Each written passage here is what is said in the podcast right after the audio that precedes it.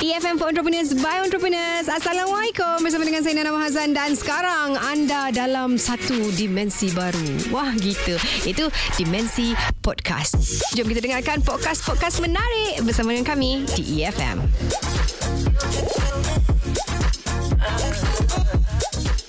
Okay, untuk usahawan food truck. Kalau korang perasan uh, Konsep perniagaan food truck Kat Malaysia ni Sekarang ni macam cendawan tumbuh Lepas hujan. Ha, Sebab apa? Sebab cendawan lepas hujan pun Tak tumbuh macam food truck tau Banyaknya uh, Dengan suasana perniagaan Yang lebih santai dan bersahaja Ia telah pun mengubah Gaya hidup masyarakat moden Dan ianya mudah didapati. Dan kadang-kadang Kita ni tak ada masa Nak pergi ke kedai. So food truck lah Yang menjadi pilihan. Dan biasanya kawasan-kawasan food truck ni Memang senang untuk diakses kan Jadi bisnes ini sememangnya menjadi pilihan ramai usahawan muda.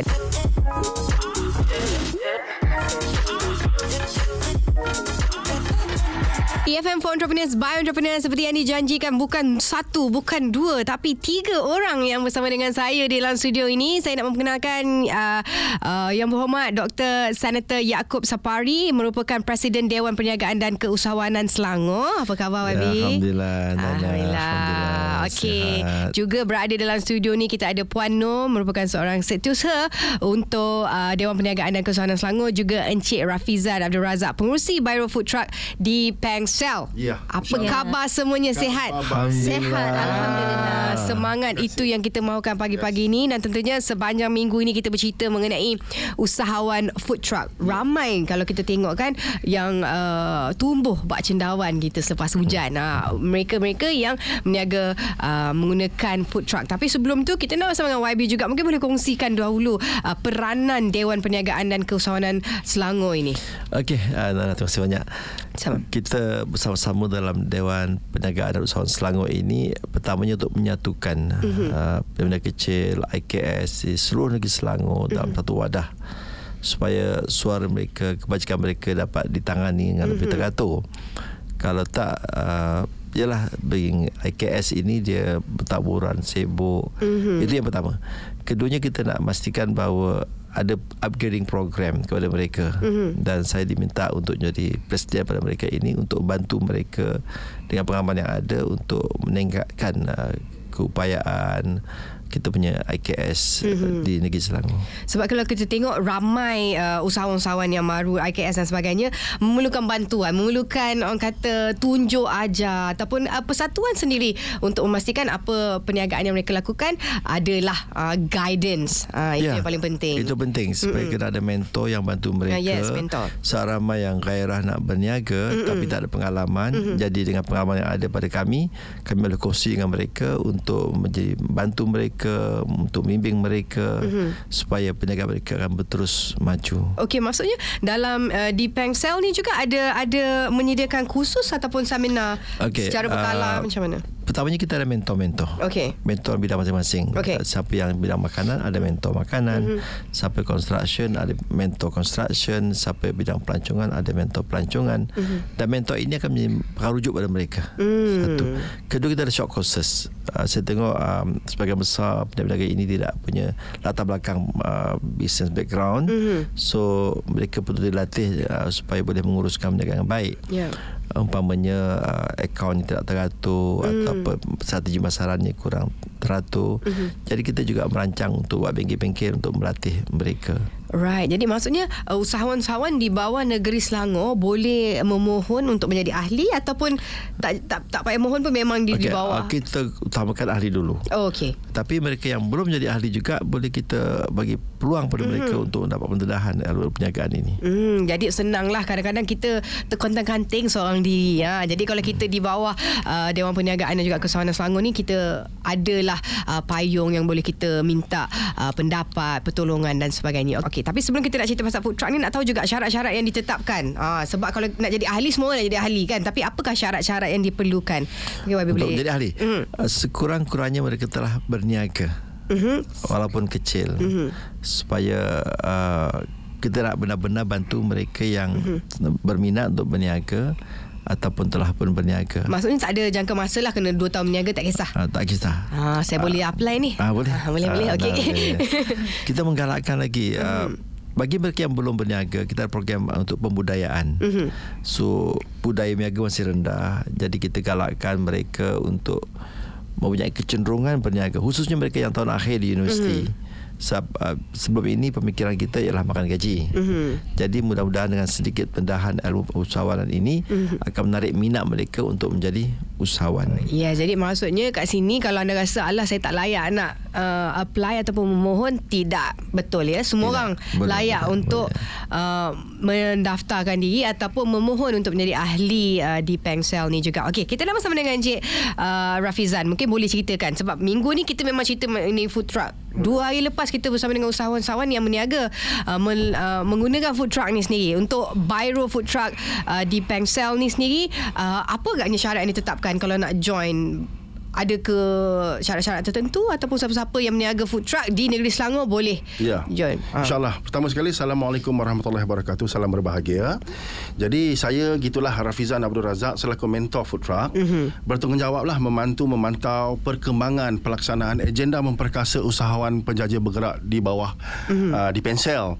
Yang mana uh, hari ini sebenarnya kita semua tahu uh, melalui uh, laluan dan kerajaan yang semasa kita uh, sedang merancang dan telah merancang uh, urusan-urusan transformasi penjajah food truck ni kurang mm-hmm. lebih uh, 4-5 tahun yang lepas. Right. Jadi hari ini kita rasa dah sampai masa dan uh, kita boleh tidak kita kita juga tidak uh, tidak boleh lagi nak menoleh ke belakang. Mm-hmm dan kita harus ke depan untuk nak uh, melaksanakan agenda-agenda yang sebagaimana yang kita kita rancangkanlah. Mm-hmm. Jadi uh, di sini kita wawarkanlah kita galakkan uh, usahawan-usahawan yang berminat berhajat untuk uh, menceburi bidang keusahawan food truck ini mm-hmm. supaya tampil untuk bersama kita di Dewan Keusahawan Selangor mm-hmm. yang mana hari ini kita akan selaraskan pelaksanaan mengikut uh, konsep-konsep mengikut SOP garis panduan yang sedia ada hmm. dan kita akan pastikan usahawan-usahawan yang di bawah dengan kita ini terus dipantau hmm. supaya terus berjaya dan sebenarnya kita faham sebelum ini pun uh, kita uh, atas dasar uh, saya selaku mentor ada berusaha-sama dengan uh, Dewan Bandaraya Kuala Lumpur yang mana pada masa itu kita sedang melaksanakan 16 unit yang pertama hmm.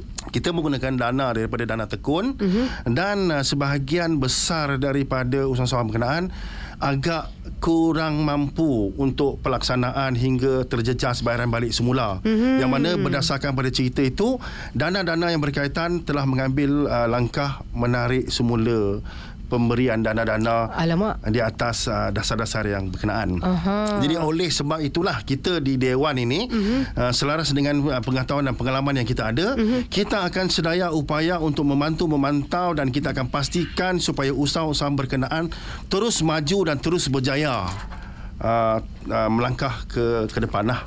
Jadi uh, uh, untuk makluman uh, tuan-tuan dan puan-puan, uh-huh.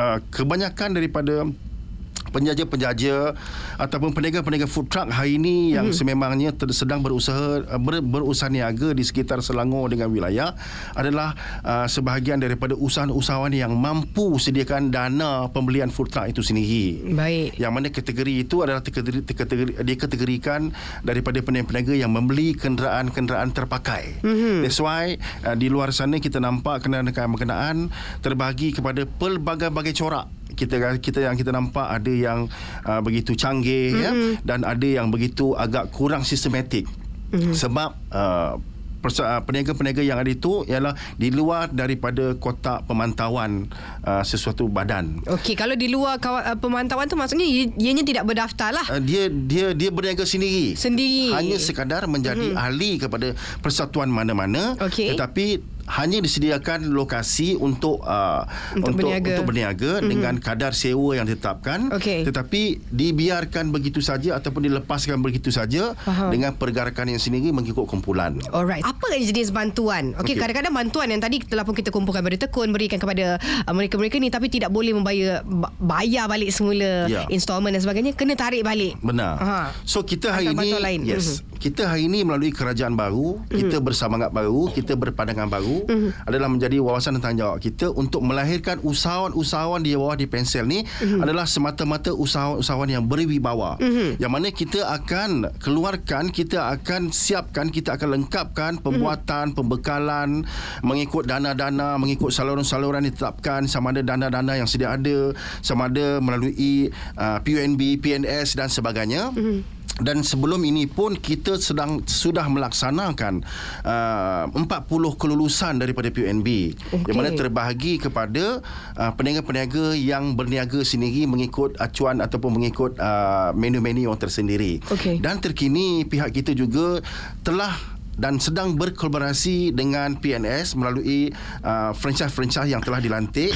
di bawah PNS dan terkini kita melalui usaha-sama dengan Ayam Mas. Oh wow. Kita bersama kita dipertanggungjawabkan oleh pengurusan ayam mas pattern di bawah trademark di, di pensel melalui Mhm. biro kita maka kita bertanggungjawab untuk uh, melaksanakan uh, pembuatan melaksanakan uh, pembuatan uh, mengikut uh, garis panduan yang ditetapkan uh, melalui uh, pengurusan ayam mas eh? Kita ada beberapa. Kita ada uh, uh, uh, kita ada um, franchise daripada ayam mas kita mm-hmm. ada franchise daripada melauti kebab. Kita ada franchise daripada di tandor kita ada franchise daripada otai burger. Mm-hmm. dan kita ada pelbagai-bagai uh, gabungan franchise di bawah kita yang mana kita uh, akan siapkan kita akan lengkapkan food truck food truck di bawah naungan kita ni uh, mampu milik dengan kadar harga di bawah RM50,000 Okey, maksudnya modal RM50,000 tu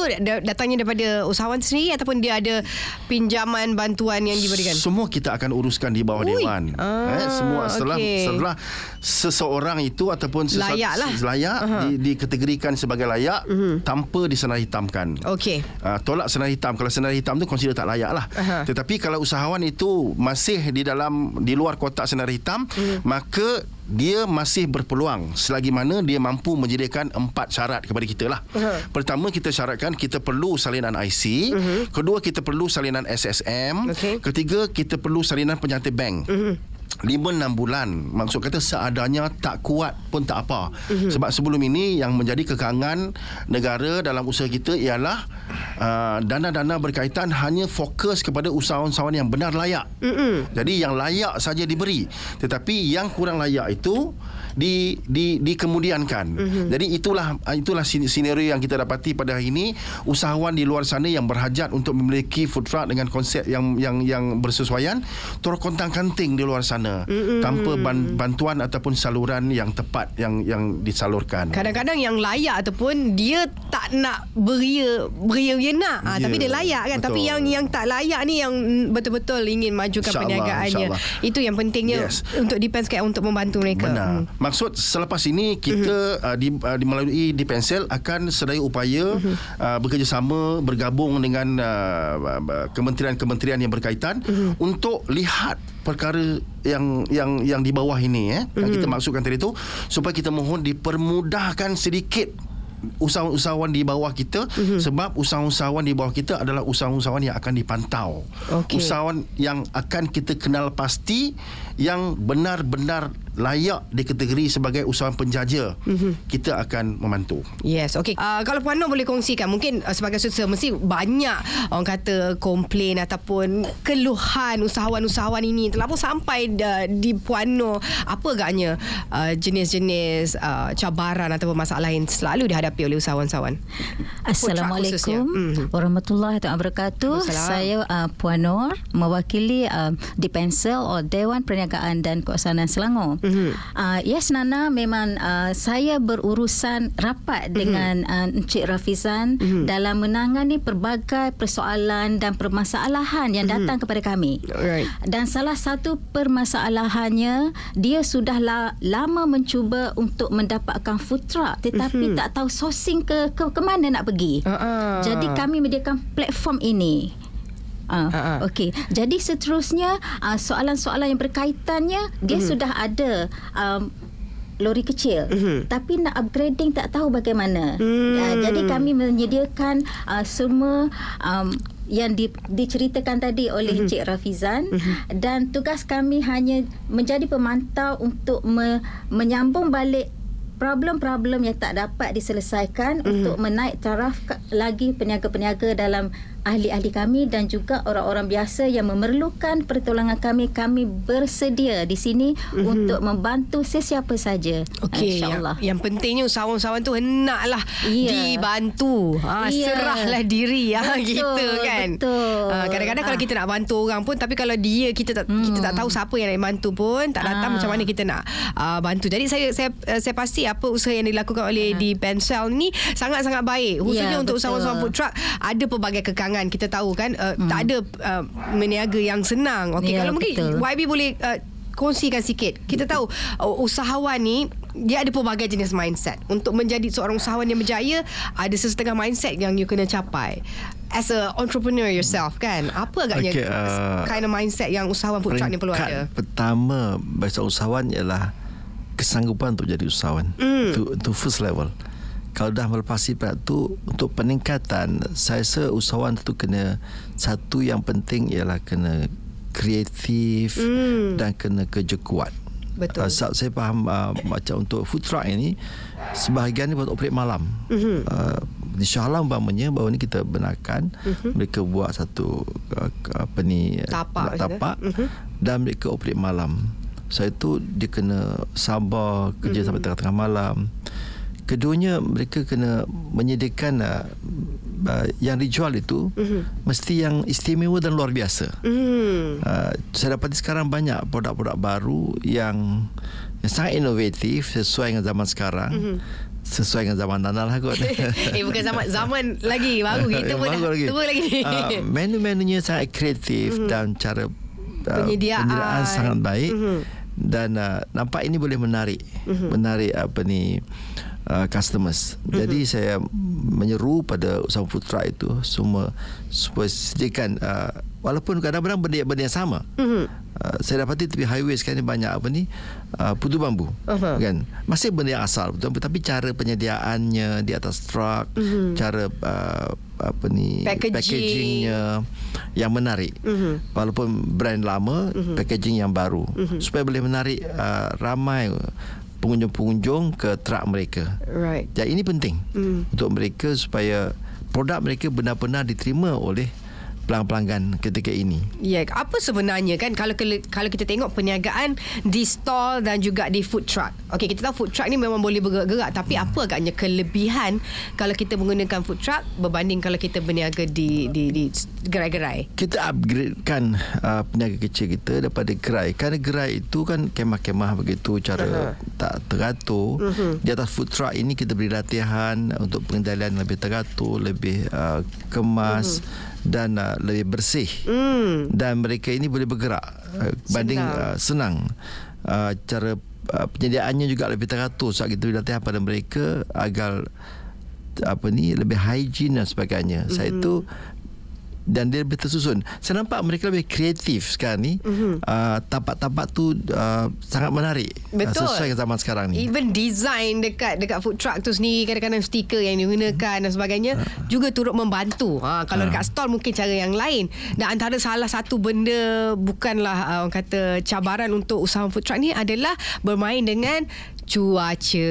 Ha better kalau ada hujan kata, banjir kata Kang, ha tak boleh nak berniaga. Ha, Yes. apa agaknya alternatif yang boleh dilakukan? Okey. Selari dengan apa yang diperkatakan oleh uh, YB Senator sebentar tadi mm-hmm. yang mana sebel- selepas daripada ini uh, adalah menjadi uh, impian dan wawasan kita untuk melahirkan uh, usahawan food truck yang berkaliber. Mm-hmm. Bermaksud daripada segi pelaksanaan daripada segi pembuatan food truck itu sendiri. Mm-hmm. Yang mana hari ini uh, sebagaimana kita jelas permasalahan se- sebenar yang permasalahan pertama adalah mm-hmm. kekangan daripada pinjaman dana. Uh-huh. Ini bila kata kita sebut saja food truck, food truck ini sebenarnya terdiri daripada pelbagai-bagai uh, standard, Okey. pelbagai-bagai uh, lapisan eh yang mana kita faham kalau kata luxury itu Uh, kenderaan tersebut boleh mencapai harga RM100,000, RM120,000 dan sebagainya. Mm-hmm. Jadi hari ini kita uh, lebih fokus kepada kadar mampu milik. Mm-hmm. That's why di peringkat awal tadi saya sebutkan hari ini kita lebih fokus kepada kenderaan di bawah harga RM50,000. Mm-hmm. Di dengan kenderaan berjenama Jepun tadi tu. Uh-huh. Jadi kita akan kondak sebagai contoh lah kenderaan daripada uh, Nissan uh, Nissan Clipper ini uh-huh. dengan CC660 dan kita mampu sediakan uh, basic standard lah basic standard maksud kenderaan tadi kita lengkapkan dengan uh, kelengkapan peralatan sistem api sistem air stainless steel dan sebagainya uh-huh. dapur-dapur dan kita stikerkan mengikut standard dan kita akan labelkan food truck food truck di bawah di pensel ini dengan logo-logo yang hmm. berkaitan okay. sebagai contoh logo daripada dewan logo daripada majlis logo daripada pendana hmm. logo, dan kita sertakan lesen-lesen kita proseskan sekali tindakan ya hmm. dan uh, uh, selebihnya itu kita akan uh, serapkan usahawan-usahawan di bawah kita ni mengikut program ataupun lokasi-lokasi yang bakal kita selaraskan di seluruh Selangor hmm. sebagai contoh uh, di Rawang kita sedang uh, lengkapkan satu proposal untuk kita mengenengahkan uh, pelaksanaan uh, uh, dataran selay- dataran rawang mm-hmm. eh kita ada dataran rawang kita ada dataran selayang mm. terkini kita ada juga uh, lokasi yang terbaru di Tasik Biru Kuang mm. uh, dan di seluruh negeri Selangor lah maksudnya pendek pendek katanya mm-hmm. jadi adalah menjadi wawasan kita impian kita dan tanggungjawab kita untuk kita seragamkan ke seluruh usahawan-usahawan penjaja food truck di bawah mm-hmm. naungan kita termasuk peniaga-peniaga food truck yang sedia ada pada pada hari ini yang sedang berniaga pada hari ini selepas ini kita akan wawarkan dan kita mohon peniaga-peniaga semasa untuk datang untuk uh, hadir bersama dengan dewan untuk uh, melaksanakan uh, agenda-agenda ataupun perancangan yang kita maksudkan tadi itu mm-hmm. dan uh, adalah memang kita akui menjadi kekangan lah kepada usahawan-usahawan food truck ini yang mana kita kata tadi jika musim hujan mm-hmm. ya dan kita kita perasanlah uh, sebab kita uh, kita membuka kawasan ya kita membuka kawasan kita pergi ke event-event yang ditetapkan jadi crowd keramaian tu sememangnya ada mm-hmm. Okay, biasanya tak kuranglah uh, beratus-ratus atau beribu-ribu pengunjung yang akan hadir mm-hmm. pada satu-satu lokasi. Tetapi jika ditakdirkan pada satu-satu masa itu hujan dan kita fahamlah ya, mm-hmm. food truck ini uh, sememangnya tidak uh, terletak di bawah satu bumbung yang besar ya. Mm-hmm. Jadi masing-masing ada bumbung sendiri. Jadi memang kita akuilah keadaan hujan ini merupakan satu satu kekangan lah kepada usahawan. Mungkin ada boleh diinovasikan food truck itu sendiri dia punya soyok tu. Ah, hmm. bumbung dia dipanjangkan kan wah. Ya. Ha, jadi kalau orang yang tengah makan tiba-tiba hujan bolehlah berteduh di situ. Ya. Ha, boleh diusahakan. Okey, EFM for Entrepreneurs by Entrepreneurs usahawan food truck yang kita bincangkan sepanjang minggu ini kita tahu uh, ada yang berniaga secara sendiri uh, memang dia mungkin ahli dan sebagainya tapi uh, lebih gemar untuk berniaga sendiri. Dia pergi je nampak tepi jalan rasa kosong sikit, ada lebar sikit, ah berhenti kat situ dia berniaga. Ada tempat-tempat yang tidak boleh dibenarkan untuk kita berniaga kan. Wabi mungkin boleh kongsikan juga ataupun Puan Nur kan. Memang untuk pihak dewan sendiri ada bekerjasama dengan uh, PBT di Selangor yang mengkhususkan ada tempat ya, ataupun mencari tempat baru. Saya sendiri terlibat uh, di peringkat awal untuk um, menyusun uh, peraturan perwa- peraturan uh, pelesinan. Mm kita, di mana kita minta uh, Petaling Jaya untuk buat paper mm-hmm. dan telah kita luluskan kerajaan negeri satu garis panduan mm-hmm. procedures untuk pelesinan mm-hmm. food truck. Okay. Garis panduan jelas. Jadi di negeri Selangor garis panduan untuk pelesinan food truck jelas. Okay. Keduanya uh, memang timbul isu tempat-tempat untuk mereka beroperasi. Mm-hmm dia ada uh, beza antara food truck dengan yang food uh, van yang bawa makanan biasa tu yang mm-hmm. duk park jual tu jalan. Uh-huh. Food itu truck lain eh? itu lain. Okay. lain. Food truck ini ada ada ada prosedur dia sendiri. Uh-huh. Uh, sama ada kita tempatkan tempat-tempat tertentu di negeri uh-huh. Selangor. Uh, saya dipahamkan di Ampang eh, setelah pun ada uh-huh. dan tersebut di Rawang. Uh, di Shah Alam juga begitu uh, tempat yang kita sediakan supaya mereka ini teratur di sebuah tempat yang lebih uh, mm-hmm. tersusun dan uh, boleh pelanggan datang ke situ.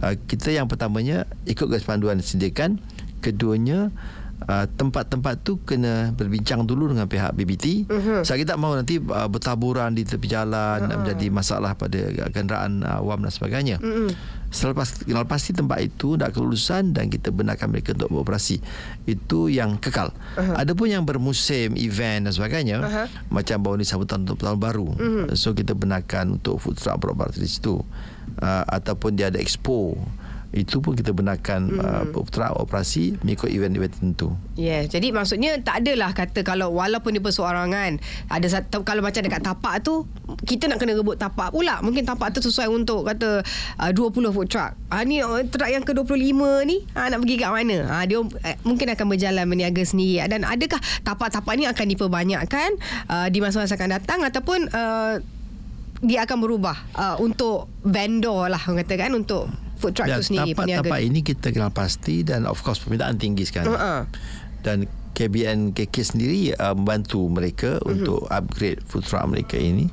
Pertama nak upgrade daripada gerai-gerai kepada food truck. Uh-huh. Jadi tapak-tapak ini kita kenal pasti. Kawasan lapang untuk kita jadikan tapak food truck. Uh-huh. Uh, jadi pihak PBT tidak kata menyekat jumlahnya uh-huh. tapi kenal pasti kawasan-kawasan yang sesuai. Yang sesuai. Ah, jadi tak apalah buat setakat ni memang uh, masih cukup uh, untuk uh, bahagian food truck sendiri Encik, Rafizan mungkin boleh kongsikan ada tak uh, yang tak cukup uh, nak meniaga kat tempat ini dan sebagainya ada tak uh, Ya. mendapat komen Okey, garis panduan telah diluruskan oleh Kementerian Perumahan dan Kerajaan Tempatan. Uh-huh. Yang mana pelaksanaan uh, akan diserapkan di bawah KPK uh, di bawah uh, PBT-PBT di uh-huh. parlimen masing-masing eh uh-huh. di kawasan masing-masing. Maka uh, untuk makluman seluruh kawasan seluruh parlimen uh, akan terbahagi kepada uh, uh, akan kita fokus kepada kawasan-kawasan tapak-tapak pasar malam, mm-hmm. tapak-tapak pasar tani. Jadi tapak-tapak pasar malam, tapak-tapak pasar tani yang bersesuaian, mm-hmm. kita akan buka. Mm-hmm. Kita akan lesen, kita akan komersialkan tapak-tapak ni kita akan wawarkan mm-hmm. dan kita akan lesenkan peniaga-peniaga food truck di seluruh Selangor ni mm-hmm. di yang mengikut uh, kawasan-kawasan ataupun situasi yang bersesuaian. Mm-hmm. Jadi di sini kita nampak uh, tidak uh, tidaklah menjadi satu kekangan lah ya daripada segi pelaksanaan lokasi-lokasi dan sebagainya mm-hmm. sebab memang menjadi uh, target kita memang menjadi Uh, tujuan utama kita adalah di, di, di kerajaan Malaysia baru kita pada hari ini ialah untuk menengahkan ataupun mentransformkan pejaja-pejaja bawah pokok bawah payung ni kepada konsep yang lebih teratur Betul. iaitu lebih bersih, mm-hmm. lebih efisien dan uh, lebih terkini lah dalam mm-hmm. usaha kita uh, dalam uh, kita nak menuju ke wawasan 2020. Baik. Semakin ramai yang sedang mendengar EFM sekarang ni yang juga berniaga merupakan usahawan food truck mungkin teringin ha, nak jadi ahli dah berapa agaknya bayaran yang dikenakan untuk usahawan-usahawan ini kalau ingin uh, join uh, uh, di Pencel. Okey Nana. Silakan Puan Noh. Okey, mm-hmm. sesiapa memang layak untuk menjadi ahli. Mm-hmm. Syarat satu saja minat berniaga. Minat berniaga, okey. Uh, walaupun pada asalnya permulaannya mm-hmm. tidak mempunyai SSM tak apa, kita Okey. akan guidekan mereka untuk um, memohon SSM di kemudian hari. Okey. Uh, yang penting untuk menjadi ahli Dewan Perniagaan dan Keusahanan Selangor, Mhm. kami um, mohon bayaran sebanyak RM100. Okey. RM50 untuk yuran proses Okey. dan lima- RM50 lagi untuk keahlian Aha. dan uh, renewal setiap tahun sebanyak RM50 Ah. dan setelah uh, menjadi ahli uh-huh. uh, pihak dewan akan mengeluarkan uh, satu kad like IC your Ah, ID okey, okey. Uh, dengan nombor keahlian masing-masing uh-huh. dengan gambar berserta dengan gambar Okey. so every program ev- every activity yang kita rancang yang kita anjurkan uh, pihak ahli diminta untuk bawa uh, ID Kad masing-masing okey. untuk men- menunjukkan dia sebagai ahli. Aha. Ini juga sebagai kata lesen macam kita nak drive ada lis ada driving license. Right. Sama juga dengan di pencil kita juga ada lesen. Dan yang paling menarik di sini Nana, uh, pihak dewan atas inisiatif daripada YB Senator kita telah um, memberi satu jalan bagaimana pihak dewan dapat juga membantu ahli untuk membuat penjimatan uh, dari segi minyak. Jadi Ah. kami collaborate dengan Petronas. Kita Okey. namakan sini Petronas Smart Pay. Di mana um, register sebagai ahli, Aha. uh, setiap ahli akan mendapat satu kepin kad Petronas Ah. uh, untuk buat um, untuk minyak. Menarik. Ah, dan di dalam kad ini dengan bayaran RM10 tak perlu bayar kita tolak daripada RM100 tadi. Mm-hmm. Setiap ahli layak dapat untuk coverage insurans khairat kematian sebanyak RM1,200. Wow. Dan untuk mendapatkan um, insurans premium mm-hmm. um, ahli cuma bayar tambah lagi RM10 saja. Okey. Ah, bila tambah lagi RM10 dia cover untuk uh, lagi insurans yang full coverage mm-hmm. contohnya kematian 10,000 mm-hmm. ada uh, insurans untuk ragut mm-hmm. uh, insurans untuk hospital dan sebagainya Wow, ini Ah. adalah kelebihan-kelebihan kalau kita Ah. menjadi ahli dewan ya, sendiri. betul wow. betul. Okay, that's very good. Ah, jadi dan di samping itu juga ini yang saya sebutkan tadi aset untuk dewan adalah Mhm. mm-hmm. setiap pembelian 1 liter minyak mm-hmm. Petronas Okey. 3 sen um, ahli akan dapat rebate dimasukkan oh. dalam kad ini. oh wow. Uh, dan satu sen akan dimasukkan dalam tabung akaun Dewan Perniagaan kami. Okay. Uh, jadi target um, YB Senator ini adalah salah satu aset untuk kami. Hmm, that's very good. Macam YB mungkin boleh komen sikit. Ha, ni orang kata uh, first time saya tengok ada uh, persatuan yang menyediakan yeah, kelebihan seperti Nana. ini. Ini yang istimewa menjadi Mm-mm. ahli di Pensel di mana kita uh, collaborate dengan Max Saver tadi mm-hmm. di mana kami bagi satu kad uh, minyak mm-hmm. setiap pembelian dapat rebate uh, 3 sen. Tiga sen, 3 ah. sen. Masuk kat mesra lagi 3 sen dapat kurang 6 sen 1 liter Nana. Yelah. Yang tambahan tadi ialah soal takaful. Uh-huh. Maknanya semua ahli kami di cover dengan takaful. Insurance lah. Insurance uh, jadi kalau berlaku masalah kita akan bantu mereka dengan takaful ini. Itu juga sangat baik. Tapi yang penting lah uh-huh. saya nak sebut di sini ya tujuan kami nak meningkatkan pendapatan uh-huh. para peniaga kecil ini. Uh-huh. Sasaran kami sekurang-kurangnya pendapatan mereka melebihi 10,000 sebulan. Uh-huh. Mana kita nak menjadikan mereka daripada B40 kepada kelas menengah uh-huh. dalam masyarakat. Dan ini yang sedang kita sasarkan untuk melepasi peniaga masing-masing uh-huh. dan kita nak upgrade mereka pada yang lebih baik. That's very good. Jadi kalau kepada anda rasa macam eh susahnya sebab kalau kita buat sendiri memang susah. Kalau kita berpersatuan kita menjadi ahli banyak sebenarnya benefit yang akan kita dapat uh, dan tentunya adalah untuk membaik pulih perniagaan yang kita lakukan. Okey, apakah yang aktiviti yang terbaru ataupun maklumat yang boleh dikongsikan kepada uh, semua usahawan mungkin dan juga orang ramai yang sedang mendengar. Silakan. Nak mulakan siapa? Encik Rafizan, silakan. Okey. Uh, selain selain daripada uh, tugasan kita pelaksanaan uh, peniaga-peniaga usahawan food truck, mm-hmm. maka uh, kita juga hari ini kita ada kolaborasi dengan My Borong. Okey. Di mana My Borong ini uh, merupakan salah satunya uh, satu-satunya pemborong uh, daripada kalangan uh, uh, Bumi Putra eh. Mm-hmm. Bumi Putra yang mana di bawah kita letakkan di bawah satu bumbung, kita ada barang kering, kita ada barang basah, kita ada barang barang, barang beku dan mm-hmm. Sebagainya lah.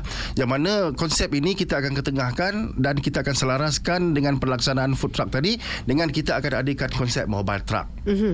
Yang mana konsep mobile truck ini adalah terbuka kepada seluruh usahawan yang berminat untuk menjalankan perniagaan barangan runcit. Mm-hmm. Sebagai contoh ada food truck kita kita set upkan uh, caravan tadi tu untuk perniagaan sayur-sayuran, ada yang menjual buah-buahan, mm-hmm. ada yang menjual uh, barangan kering ada yang dan pelbagai-bagai lah selagi mm-hmm. mana barang barang-barangan itu diketerikan di bawah di bawah bumbung My Borong ini maka kita akan selaraskan pelaksanaan pembuatan mm-hmm. uh, daripada segi dana tadi yang mana dana tadi dah tentu dah sebelum ini kita akan fokus kepada dana-dana khas untuk uh, penyediaan food truck ataupun mobile truck tadi itu yang mm-hmm. terdiri daripada uh, dana-dana daripada PUNB dari dana-dana daripada uh, PNS dana daripada MARA dari mm-hmm. dana daripada Tekun uh, Bank Rakyat dan sebagainya lah. Okey. Jadi hari ini uh, kita kita melihat konsep kita hari ini merupakan konsep yang pertama. Konsep uh, di bawah usaha-sama gabungan uh, di Pensel bersama dengan My Borong ini uh-huh. merupakan satu kaedah, satu konsep yang pertama yang sebelum ini tidak pernah ada ataupun tidak pernah wujud lagi di dalam Malaysia di dalam negara kita ini. Uh-huh. Dan hari ini merupakan kali yang pertama kita di bawah di Pensel kita bergabung bersama dengan My Borong, kita akan gunakan kaedah uh, pelaksanaan ini kita akan kongsi uh, untuk seluruh usahawan di bawah Selangor dan kita akan kembangkan ke seluruh Selangor hmm. termasuk di bandar-bandar di pekan-pekan kecil dan di kampung-kampung kita akan lebarkan sayap kita akan kembangkan keusahawanan mm-hmm. uh, peniaga-peniaga runcit ini yang mana sebelum ini yang kita faham uh, uh, banyaklah kita bila kita bercakap tentang barang-barang runcit ini banyak di, di monopoli oleh oleh pendatang-pendatang asing eh mm. jadi ada hari ini kita nampak daripada peniaga-peniaga tanah seberang eh Aceh mm. uh, Myanmar mm-hmm. Bangladesh dan sebagainya dah ini hari kita rasa dah sampai masanya kita perlu melihat dan kita meletakkan kedua belah tangan kita untuk kita nak menghapuskan mm-hmm. totally kita nak menghap- kita terpaksa mm-hmm. sebab apa kita kita melihat sejak kebelakang ini merupakan satu penyakit ataupun satu satu barah eh kepada mm-hmm. industri yang mana kita kita lihat kalau kita tak bendung benda ni ataupun kita tak mempunyai satu kaedah yang bijaksana mm-hmm. untuk kita nak mengenang menangani permasalahan semasa uh, adalah menjadi satu satu keadaan keadaan malang lah kepada yep. kepada kita di kalangan kaum bumi putra ya Ya, ini juga memberi peluang lah kepada orang ramai bahawasanya kita boleh compete. Kita Yes, pun boleh sama-sama yes, yes. Uh, berniaga. Ha, Ya. itu peluang yang paling penting. Dan apa agaknya uh, uh, yang boleh dikongsikan dekat mana kalau mereka perlukan lebih banyak informasi mengenai Dewan sendiri, uh, dekat mana harus mereka pergi? Ada Facebook ke, website dan sebagainya? Uh, kita mempunyai Facebook Mhm. uh, tapi dalam perancangan masih kita masih baru baru Mhm. tiga bulan beroperasi uh, kita akan war-warkan mungkin melalui uh, EFM juga Mhm, uh, bagaimana cara sebab setakat ini kita ada pengerusi-pengerusi mengikut parlimen masing-masing yang mempromosikan dewan kami. Jadi sejarah info-info terkini kita akan updatekan lagi melalui uh, website kami dan kita akan kongsi bersama dengan pihak EFM later on. okay. Alright. Kalau boleh dikongsikan websitenya adalah Setakat ni memang ada info di dalam tu ke belum lagi? Uh, dalam upgrading. Ah, dalam upgrading Dari masa ke semasa Nanti kita akan update lah Di EFM ni Kalau anda mahukan uh, Sebarang informasi Last but not least Okey, YB silakan Kalau boleh disampaikan Kepada usahawan-usahawan di luar sana Macam mana untuk kita Sama-sama bersaing Menjadi usahawan yang terbaik Okey kepada usahawan di luar sana, mm-hmm. uh, saya saya saya welcome mereka mm-hmm. untuk uh, pada dunia keusahawanan yang begitu indah ini. Mm-hmm. Uh, kepada mereka yang nak upgrade uh, perniagaan mereka mm-hmm. atau mereka yang nak mencuba dia perniagaan Uh, sila join di Pensel mm-hmm. dan kita buka pintu untuk mereka bersama kita kita ramai sini-sini peniaga yang berpengalaman yang sanggup membimbing mereka menunjuk ajar mereka supaya mereka menjadi usahawan yang berjaya InsyaAllah Terima kasih YB atas uh, keterbukaan uh, berkongsi hari ini uh, segala perkongsian hari ini saya harap dapat membantu ramai mereka yang sedang mendengar khususnya yang meniaga ataupun usahawan di bahagian food truck juga usahawan-usahawan lain juga. Mungkin terbuka mata terbuka minda macam wow okey ada peluang sebenarnya untuk kita grab di sini. Alright terima kasih sekali lagi ucapkan kepada tetamu saya hari ini kerana sudi uh, datang